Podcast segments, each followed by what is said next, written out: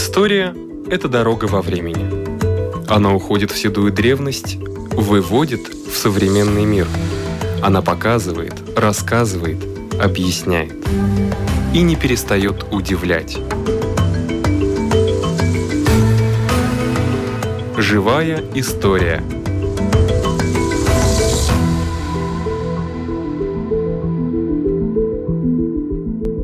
У микрофона Лидия Чера.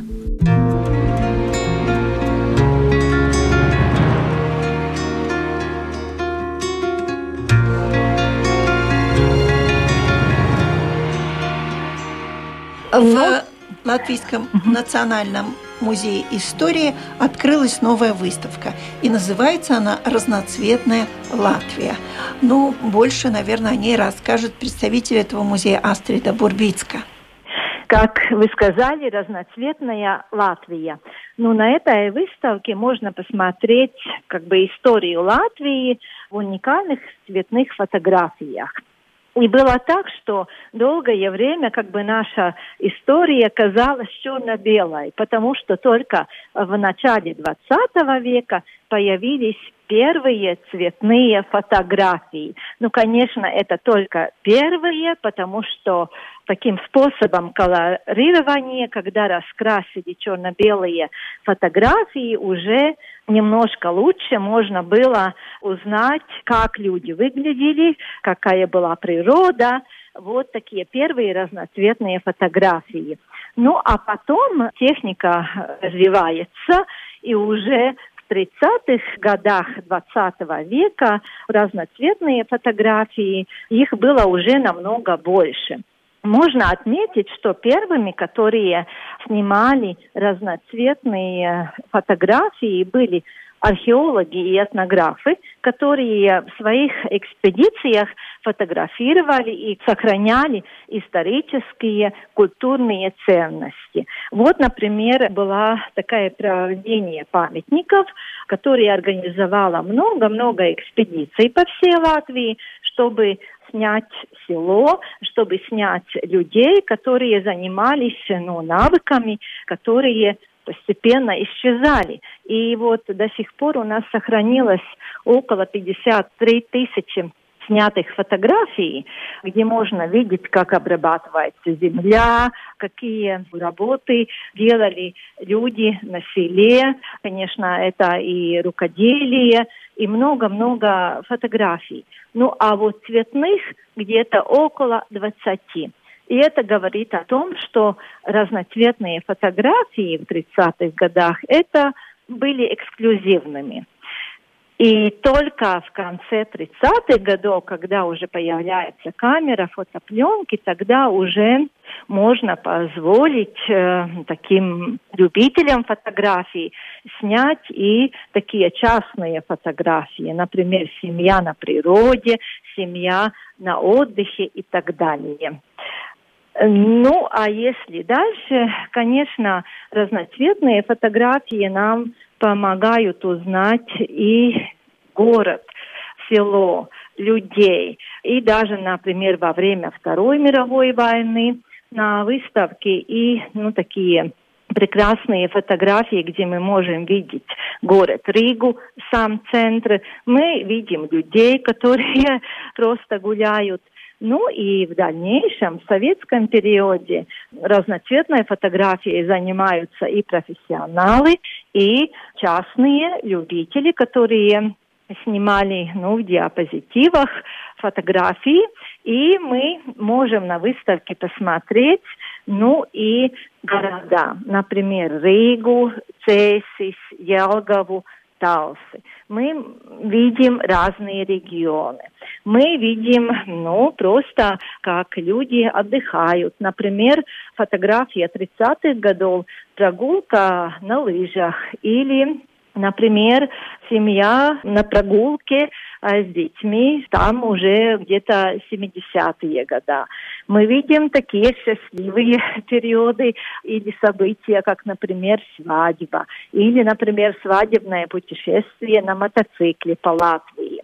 Также еще, конечно, и природа прекрасная. разные исторические памятники. Например, башня церкви Святого Петра, какой она была после разрушения во время Второй мировой войны, как восстановили, и разные другие интересные места, интересные памятники культуры. Вы знаете, что это очень замечательно увидеть эти фотографии. Особенно порекомендую тем, кто пойдет, еще взять какое-нибудь увеличительное стекло, потому что детали на этих фотографиях иногда говорят больше самой фотографии. Первое, что смотришь на лица людей, конечно. Потом ты обращаешь внимание на то, как они одеты, какая была мода, какая обувь, что у них в руках – как они причесаны, а потом смотришь фон, какой фон, где это, и думаешь, вот э, смотришь на фотографию семьи, которая на лыжах, смотришь дальше и думаешь, а что это такое? Может, это на югле? Может, это там за киностудией еще поле? Нет, очень хорошо, что есть еще и год, и место, где это снято. Это замечательно, что они все-таки конкретизируют это. Да, конечно, это важно. Как вы говорили, фотография рассказывает очень многое. И вот эта аннотация, где мы видим год, где мы видим место, где фотография снята, они, конечно, очень важны, так как в нашем личном альбоме тоже важно, чтобы было отмечено, когда это снято, кто в фотографии. Это помогает рассказать вот такую семейную историю. А вот здесь эти фотографии как бы рассказывают нашу историю Латвии, но не такими политическими событиями, но именно людьми, бытом, праздниками, работой. И можно проследить, посмотреть, как все это меняется. Ну и как бы в центре всегда остается вот человек со своими эмоциями, переживаниями, участвуя вот в разных мероприятиях. Еще я бы хотела отметить, что интересно, что на этой выставке не только фотографии Музея истории Латвии, но и личные фотографии. Уже некоторое время в нашем сайте, раньше это был э, выставки «Век Латвии», в наше время это сайт e-музейс ЛНВМ, есть такой виртуальный альбом века. И там люди присоединили свои личные фотографии – и фотографии, которые уже разноцветные, которые соответствуют теме нашей выставки. Также мы такими фотографиями дополнили нашу выставку. И она опять-таки помогает вот рассказать нашу историю, наши события последних э, годов до 90-х годов такой период с начала 20 века до 90-х годов, вот такой спектр нашей выставки. И вот также в этом сайте э, музея с ЛНВМ мы можем посмотреть фотографии и теперь, и каждый может альбом века пополнить, и вот теперь может быть прийти в выставку, посмотреть, потом посмотреть свой альбом дома и дополнить наш виртуальный альбом.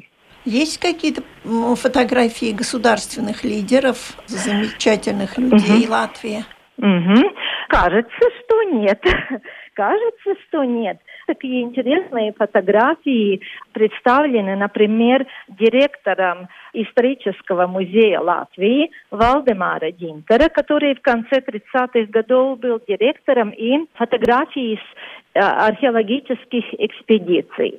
Ну, а вот такие государственные лидеры, кажется, что нет, там общество Латвии. Но зато на экспланаде прекрасная выставка, посвященная президенту Густаву Земгалу. Она уже закончилась. Она будет в октябре в городе Тукумс. Может быть, кто-то поедет э, в путешествие в Тукумс. Нужно следить информацией, она будет э, в городе Тукумс. Очень хорошая выставка такая, человеческая. Да, да, про президента Густава Земгала не только как э, ну, политика, но и человеческий, э, вот э, можно было узнать этого нашего лидера. Спасибо большое, заинтересовали. У нашего микрофона была представитель Национального исторического музея Латвии Астрида Бурбицка.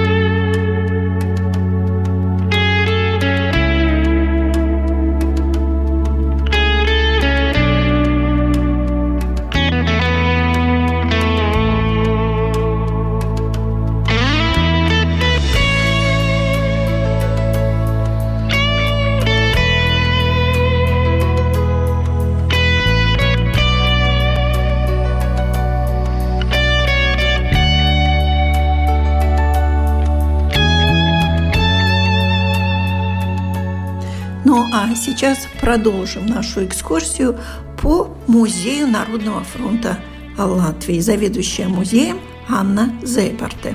Музей очень эм, интерактивный, потому что делали с мыслью, чтобы было интересно тоже для юношей и детей. Да. Потому что этот период очень важный, это движение это Народного фронта, но он очень... Эм, почти нет вещей, есть много документов, очень много фотографий, но сделать музей только из документов это не, не очень-то интересно. интересно да. Никто не будет читать документы, да. документы, документы. Очень мало вещей, визуальных, визуальных вещей. Поэтому есть это э, голова Ленина, свитер э, Иванса, да, да. да. И этот флаг, это флаг Латвии. И этот с траурной флаг, лентой. Да, потому что этот флаг почти после 50 лет первый раз прошел с памятника Тогда, свободы, да, да Кайбралю Капи. До братского кладбища. До братского кладбища по Риге. Первый раз в 50 лет его пронес Константин Пупурс. Угу. Он был в Хельсинки 86. Движение, и, движение было, да. о котором тоже надо рассказывать. Да. И траурная лента, потому что это прошло 14 июня.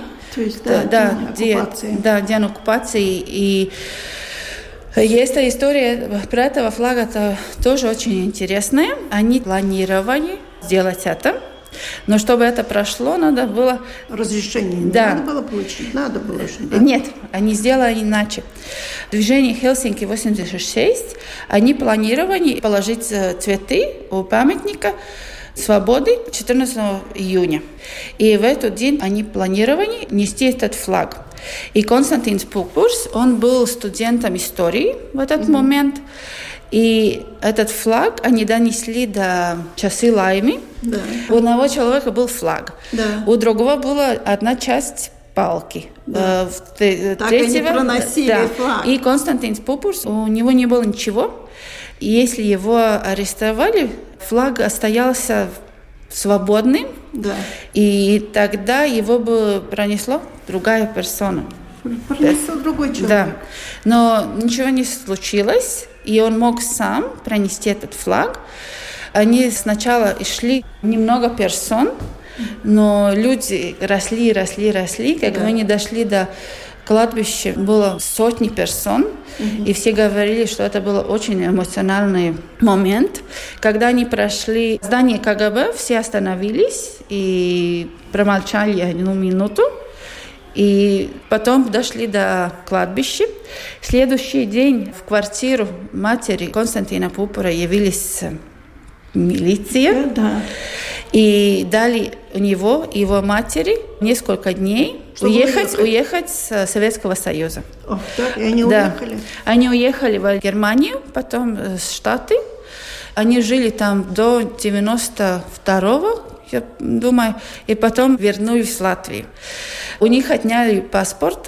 Когда так, они вернулись? Э, ну, до когда сказали, что им надо уехать, у них отняли паспорта угу. и сказали, что 3-4 дня и все, у них нет э, времени, потому что в квартире его матери прошли эти митинги Хелсинки 86, так что она тоже была виновата то, что они сделали. И на этом флаге есть подписи всех персон, которые помогли пронести, пронести этот флаг. И это очень важный флаг, потому что первый почти да. полвека, когда в Латвии люди могли пронести, пронести свой, флаг. свой флаг, и никто не смог их э, остановить, остановить ничего делать. Так Пупурс да, вернулся? вернулся. К сожалению, несколько лет назад он скончался, ага. Но его место в истории очень важное. Да.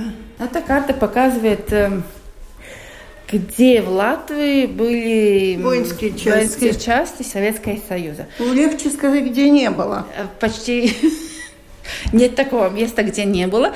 Из трех стран Балтии Латвия была наиболее, наиболее милитаризована. Это потому, что у нас был Да, потому что в Риге был штаб, да. Сколько их было, точно никто не знает, потому что на этот момент э, никто их э, не считал. Но думается, что было 150 до 250 тысяч. Очень-очень много. Да. Почти всех во всех местах. Ну, во всех местах было.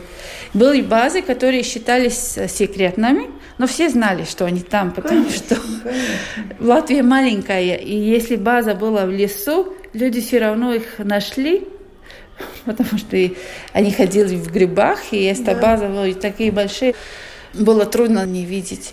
Но сейчас в армии Латвии есть 12 тысяч более-менее 12 тысяч солдатов, да. так что 150 тысяч это очень, очень, много, очень да. много. А потом были места, которые вообще были закрыты, да. перекрыты. В было почти закрыто. Да. Пляж каждый вечер э, большими граблями работали. И... Следов не было. Да, следов да, не было. было. Кто и... прошел? Да, да, да. Потому что это была граница, граница, граница Советского Союза. Да. Это была морская граница, наверное, так считалось, да. потому что это вот Курзам, это и Лепа, и, и Лепа, и, Лепа, и Вентспилс, все эти были почти закрыты. Там было не очень э, приятно жить. Они не были закрытыми, но там были места области да, города, да. в которые нельзя было заходить. Да. Но карта интересная, конечно. Было бы время, я бы еще посмотрела где какие воинские части были. Мы можем про Балтийский путь, это что знают все иностранцы. Сейчас идем по лестнице наверх, чтобы посмотреть экспозицию Балтийского пути. Что у вас лестница? Сохранилась с тех времен? Да. Балтийский путь один из пунктов истории Латвии и Прибалтии, что знают все иностранцы, кто приходит в музей. Они не знают, может не знать ничего про Латвию, но, но знают Балтийский путь, потому что видели или читали, когда были дети, уже не так маленькие. И Балтийский путь говорят, мы не знаем, но говорят, что было возможно видеть с космоса.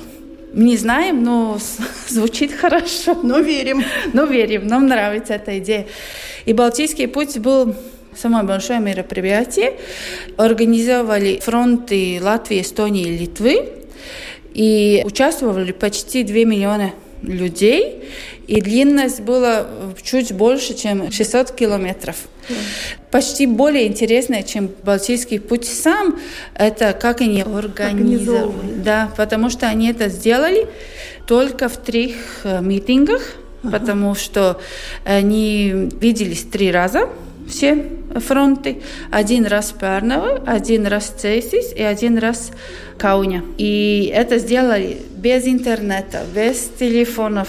Только три раз они... И только последний раз, когда они видели в Цейсис, 12 августа, 11 дней перед э, Балтийским пути, yeah. когда они решили точно, как это пройдет. Так что они почти сделали Балтийский путь две недели. Mm-hmm. Все это зорганизовали две недели. Это фантастика. И когда люди уже были там на своих местах, все это было очень-очень продумано. Например, если кто-то жил в Даугавпилсе и Лепае, где путь не проходил, они уже знали заранее, где они будут стоять. Все было распределено. Да, распределено. Не было хаоса, что тоже как фантастика, учитывая, сколько людей было да. в этом мероприятии, что это, это прошло без хаоса. И прошло 7 часов ночи, потому что люди в этот момент работали до 6, так что никто не, не работу. И Латвийский народный фронт, они думали, что чуть-чуть раньше до 7 часов в латышском радио да. Дайнс Иванс скажет речь. Но речь была, но было да. более сложнее, потому что утром 23 августа mm-hmm. им сказали, что Народный фронт не может использовать радио для этого.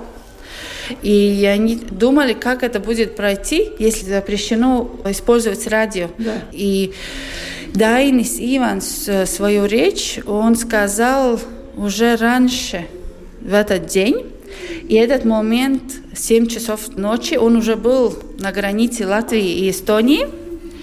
И люди думали, что они слушают его в радио прямой трансляции, но это было уже запись.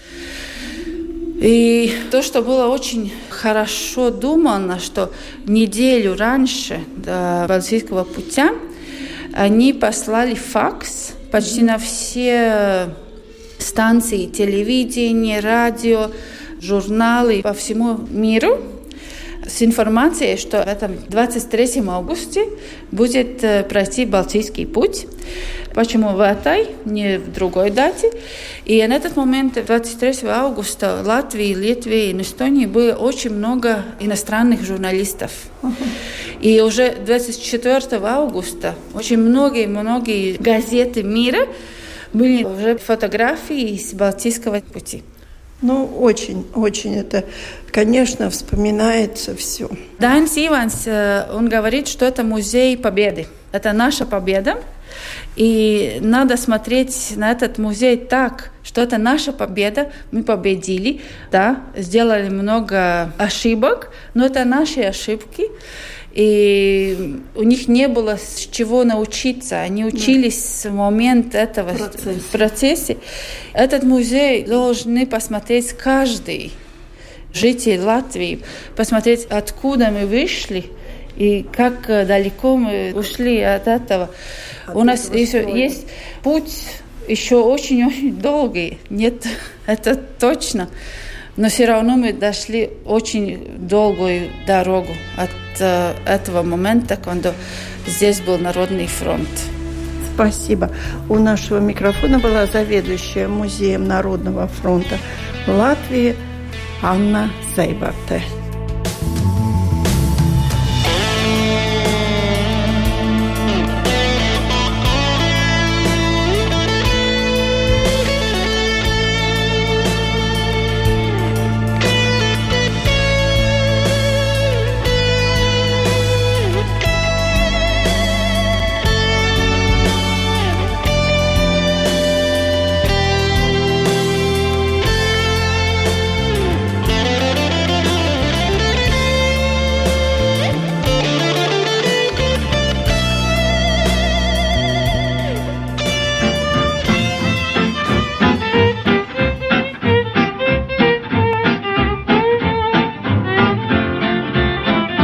Простят меня современные писатели и поэты, но еще ни одно гениальное произведение не было набрано в компьютере.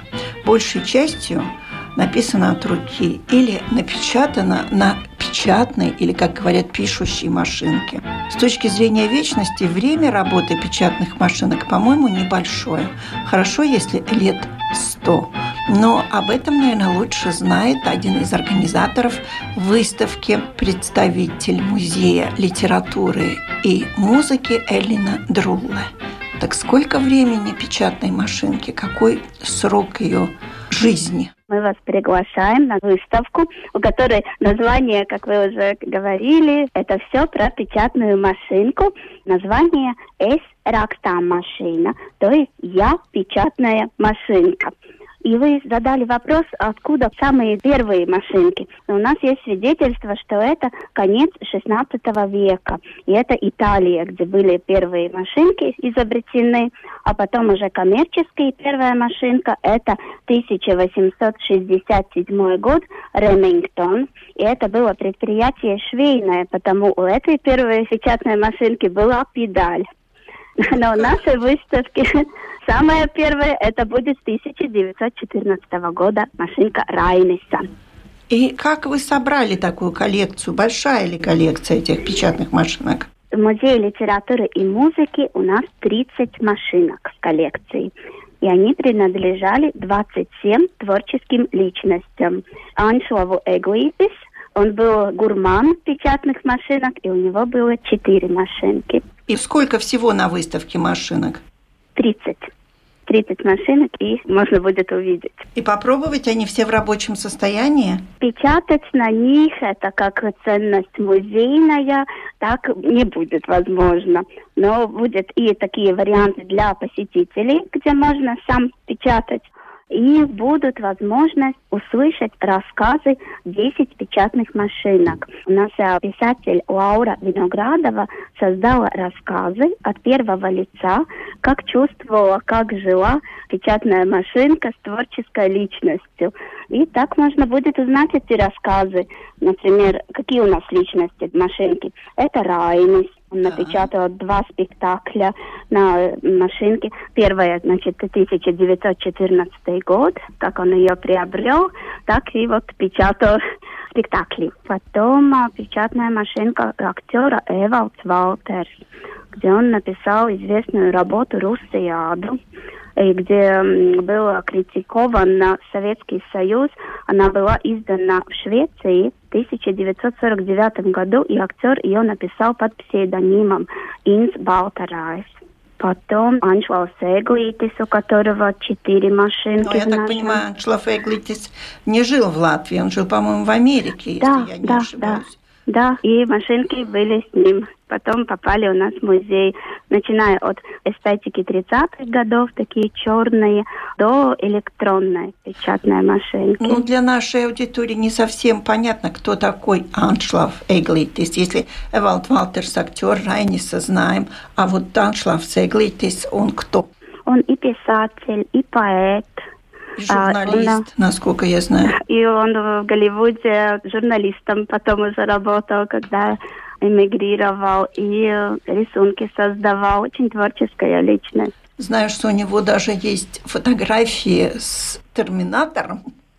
Да, много-много с известными личностями, да, фотографии. Арнольдом Шварценеггером, это я видела, а других я не знаю, с кем он еще, кого он брал интервью. Если правильно помню, и Джекс Николсон, и Джейна Фонда, и, ой, много очень известных актеров. Значит, мы дошли до Эглитиса, это третий много этих личностей, да, ну, у нас 27 творческих, но вот я перечисляю некоторых Вероника Стрелерте, поэтесса, и ей в 30-е годы Эдвард Вирза писал э, любовные письма и стихи, которые она на печатной машинке перепечатала и сохранила. И вот увидим ее машинку тоже на выставке. Кнут Скуинет, тоже очень рассказ серьезный. Он из Легера писал своей жене стихи на очень маленьких тонких бумажечках. И жена потом это перепечатала на печатной машинке и потом распространяла. И вот эти все стихи, которые из лагеря пришли, только в 1990 году издали сборники «Сэкла снега». Или, например, печатная машинка автора Зента Эргле. Наверное, тоже многим ностальгия детства. Так вот, ее рассказ, она писала рукой свои произведения, а ее муж это все перепечатывал на печатной машинке. Эти вот да, детские да, рассказы. Да, mūsu sētas bērni, да. про первую любовь много рассказов. И выставка длится до 29 октября. Выставка на Полка 8, там, где музей Кратуве.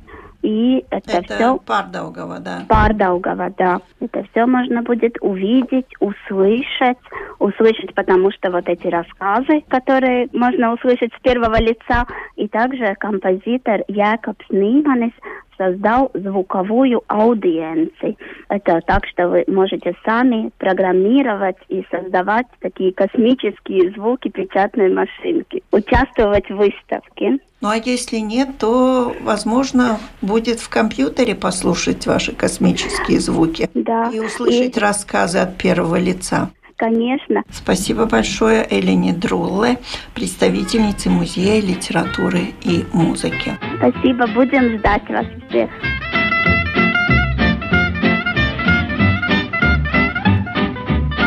На этом наша передача заканчивается. Всего вам доброго.